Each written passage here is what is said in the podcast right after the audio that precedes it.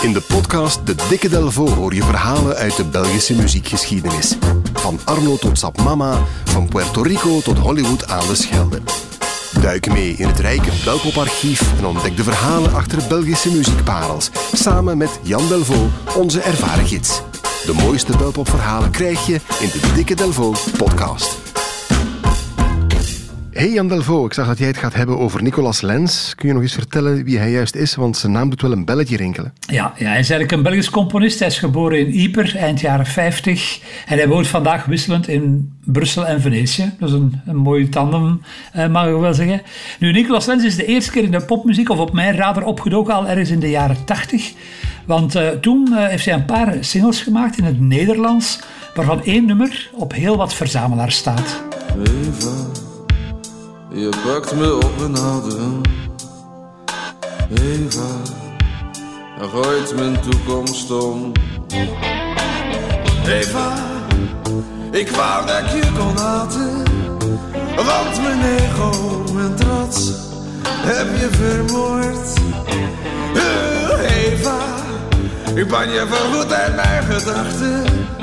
Ik ben een getuige die niet wordt verhoord. Muziek uit 1986, Eva van Nicolas Lens. Ja, iets totaal anders dan wat hij vandaag doet. Uh, hij heeft gestudeerd aan het conservatorium in Brussel. En tijdens zijn opleiding begon hij al te werken voor film, televisie en theater. En zijn doorbraak als componist uh, kent hij uh, in 1994 met het muziektheaterstuk Flamma Flamma. Er is toen redelijk wat aandacht uh, rond geweest. Hij is ook blijven doen. En heeft dit jaar heeft hij getekend, een contract getekend bij het prestigieuze Deutsche Grammophon. Ja, dat is zo'n platenlabel. Als, als ja. daar iets klassiek op verschijnt, dan, uh, dan is het van, het van het hoogste niveau, denk ik. Hè? Ja, dat is de Champions League van het klas. Dat is het gele logo dat er dan op staat. Dat is een beetje Champions League. Maar die mensen zijn de jongste jaren heel wat uh, nieuwe klassieken beginnen te tekenen. Nieuwe klassieken zijn, uh, ja, hoe noem je die mensen die Niels Fraam, mensen die piano spelen. En op dat label zit on, onder meer Max Richter, is zo'n grote naam. Olafur Arnalds, die momenteel veel gedraaid wordt op Radio 1.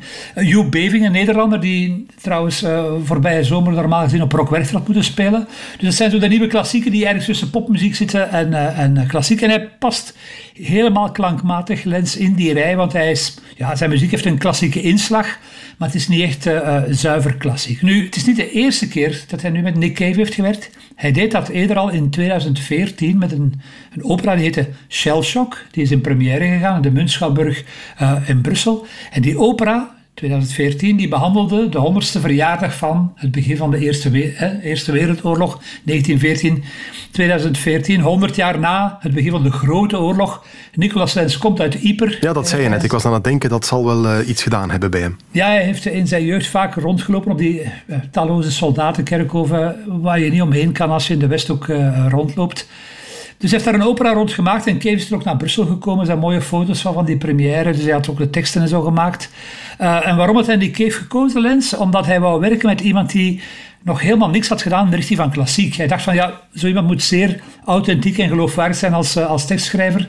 Dat werd Nick Cave. En de choreogra choreograaf was trouwens Sidi Larbi Cherkaoui, ook zo'n bekende grote naam. Dus dat was echt wel Meeting of the Giants eigenlijk. Ja, als ik het goed begrijp, zeg je net dat Lens Cave gekozen heeft. Hè? Dat is toch bijzonder? Ja, ja, ja, ja. Hij, was, hij was naar de muziek van Cave aan het luisteren toen hij aan het werken was aan die opera. En hij dacht van, ja, weet je, ik stuur je gewoon een voorstel. Wij als, uh, als gewone stervelingen zouden misschien niet durven of denken dat die afstand te groot is. Maar Lens vertrekt vanuit de klassiek en moet gedacht hebben, dat kan hem wel prikkelen. En het prikkelde hem ook, want Cave kreeg het voorstel binnen en belde eigenlijk meteen terug. En hij wou het ook uh, zeer, zeer graag doen. Het zoiets van, ja, waarom heeft niemand mij dat nog, uh, nog nooit, uh, eigenlijk nog nooit gevraagd? En dus ja, Lens nam tijdens de lockdown nu opnieuw contact op, want hij zat thuis. Hij, hij dacht van, wat moet ik nu gaan doen? En hij heeft dus aan Cave gevraagd om een, een, het libretto, hè, zo het tekstboekje te maken voor een nieuwe opera.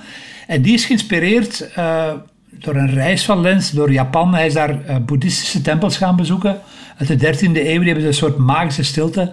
En hij wou zoiets maken, minimalistische, bezwerende muziek, heel, heel sober opgenomen. De opnamestudio's waren dicht, dus moest hij alles opnemen thuis bij hem in de studio. Er doen elf muzikanten op de plaat, op die plaat lieten iets mee. Die zijn elk hun stukje apart bij Nicolas Lens thuis komen opnemen. En dan heeft hij dat geassembleerd eigenlijk. En, maar dat gaat een chirurgische operatie geweest zijn. Ja, dat is knip en plak. Hè. Beter. maar, maar dat hoor je eigenlijk ook niet. En dan heeft Cave er ook nog een aantal teksten bovenop gezongen eigenlijk. En alles kwam, is zeer mooi bij elkaar gekomen. En het is eigenlijk ja, als je het hoort, zou je eigenlijk denken dat het een nieuwe Cave-plaat eigenlijk zou kunnen zijn, waarop hij dan samenwerkt met iemand uit de klassieke muziek.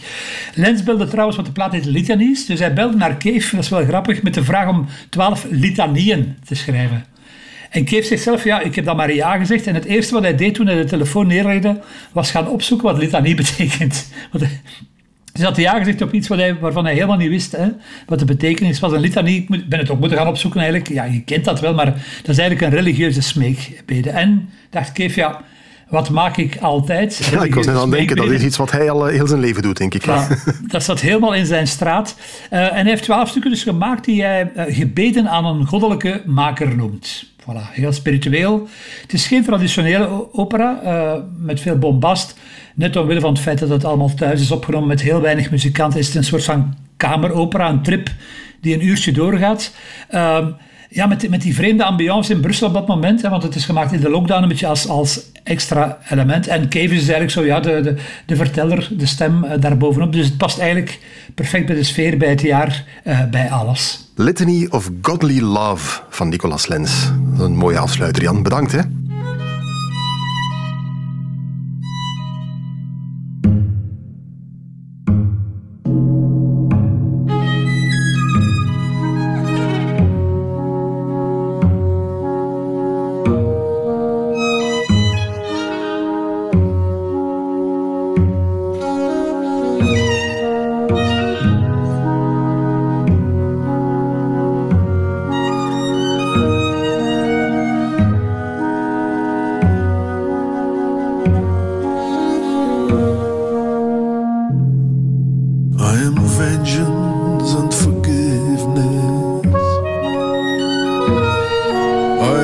everywhere and nowhere at all.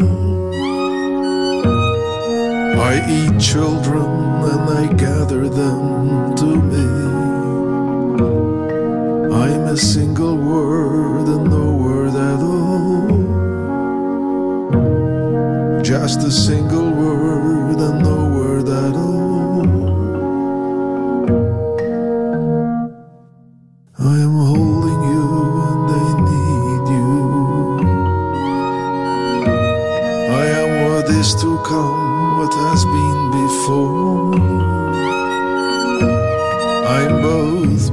teased and ridiculed.